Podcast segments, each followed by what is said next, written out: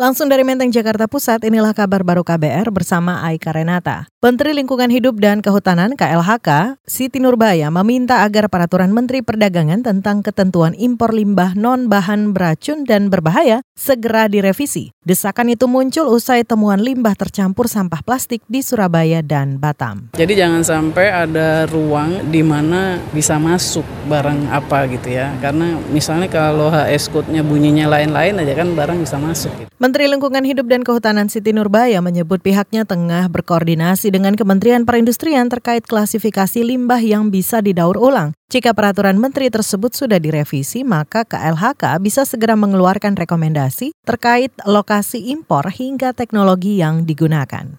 Kita beralih, Menteri Koordinator Bidang Politik Hukum dan Keamanan Wiranto memerintahkan Kapolri Tito Karnavian segera mengungkap hasil penyidikan tersangka kasus pemilikan senjata ilegal Sunarko dan tersangka makar Kiflan Zen. Wiranto beralasan penjelasan tersebut akan meredam spekulasi bahwa polisi tidak adil dalam menangkap Sunarko dan Kiflan. Untuk apa pun hasil dari proses penyelidikan, penyidikan, saya minta supaya dapat segera disampaikan ke publik. Sejelas-jelasnya disampaikan kepada masyarakat, sedetil-detilnya. Agar spekulasi yang saya terus berkembang di masyarakat mengenai berbagai permasalahan hukum yang terus sedang berproses, terutama dengan adanya penangkapan para tokoh-tokoh utama, ya ini segera dapat kita iterasi, kita Menteri Koordinator Bidang Politik Hukum dan Keamanan Wiranto mengatakan hilangnya pro kontra soal penangkapan Kiflan dan Sunarko akan meredam potensi demonstrasi seperti aksi 21 dan 22 Mei 2019.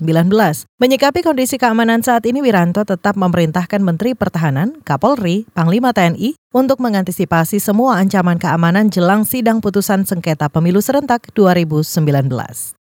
Kita menuju informasi lain, Saudara Menteri Dalam Negeri Cahyokumolo menyebut rekonsiliasi harus dipisahkan dari permasalahan sengketa Pilpres 2019. Cahyo menilai rekonsiliasi harus dibangun antara elit-elit politik untuk menyatukan bangsa meski gugatan hasil Pilpres tengah berproses di Mahkamah Konstitusi. Saya kira rekonsiliasi yang sekarang ini ada dengan menggunakan momen silaturahim Idul Fitri saya kira sesuatu hal yang sangat baik karena menyangkut budaya kita saling memaafkan, saling menerima sebuah proses politik apa pun yang terjadi. Soal ada masalah hukum di MK itu beda. Kita ikuti mekanisme itu aturan yang sudah baku. Kalau nggak puas ada salurannya lewat MP.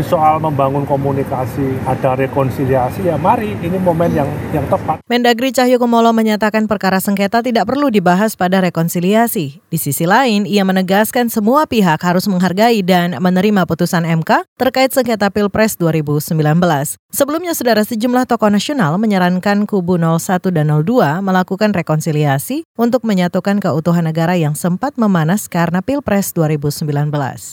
Kita menuju satu informasi dari mancanegara. Saudara Angkatan Udara Jepang menyebut kekacauan arah di udara menyebabkan pilot pesawat tempur siluman F-35 Lightning II mengalami kesalahan dan jatuh di Lautan Pasifik dengan kecepatan lebih dari 1.100 km per jam. Jet buatan Amerika itu hilang dari layar radar ketika sedang terbang latihan bersama tiga pesawat F-35 yang lain di samudera di dekat Jepang Barat Daya pada 9 April lalu. Angkatan Udara Jepang juga belum menemukan rekaman data apa pun dari pesawat dari rekaman percakapan dengan pengendali darat. Sementara itu data sementara pilot tidak memberikan isyarat mengalami masalah dan tidak berupaya menghindari tabrakan meskipun perlengkapan canggih dan sistem peringatan telah memperingatkan untuk melompat keluar. Demikian kabar baru dari kantor Berita Radio KBR, saya Aika Renata.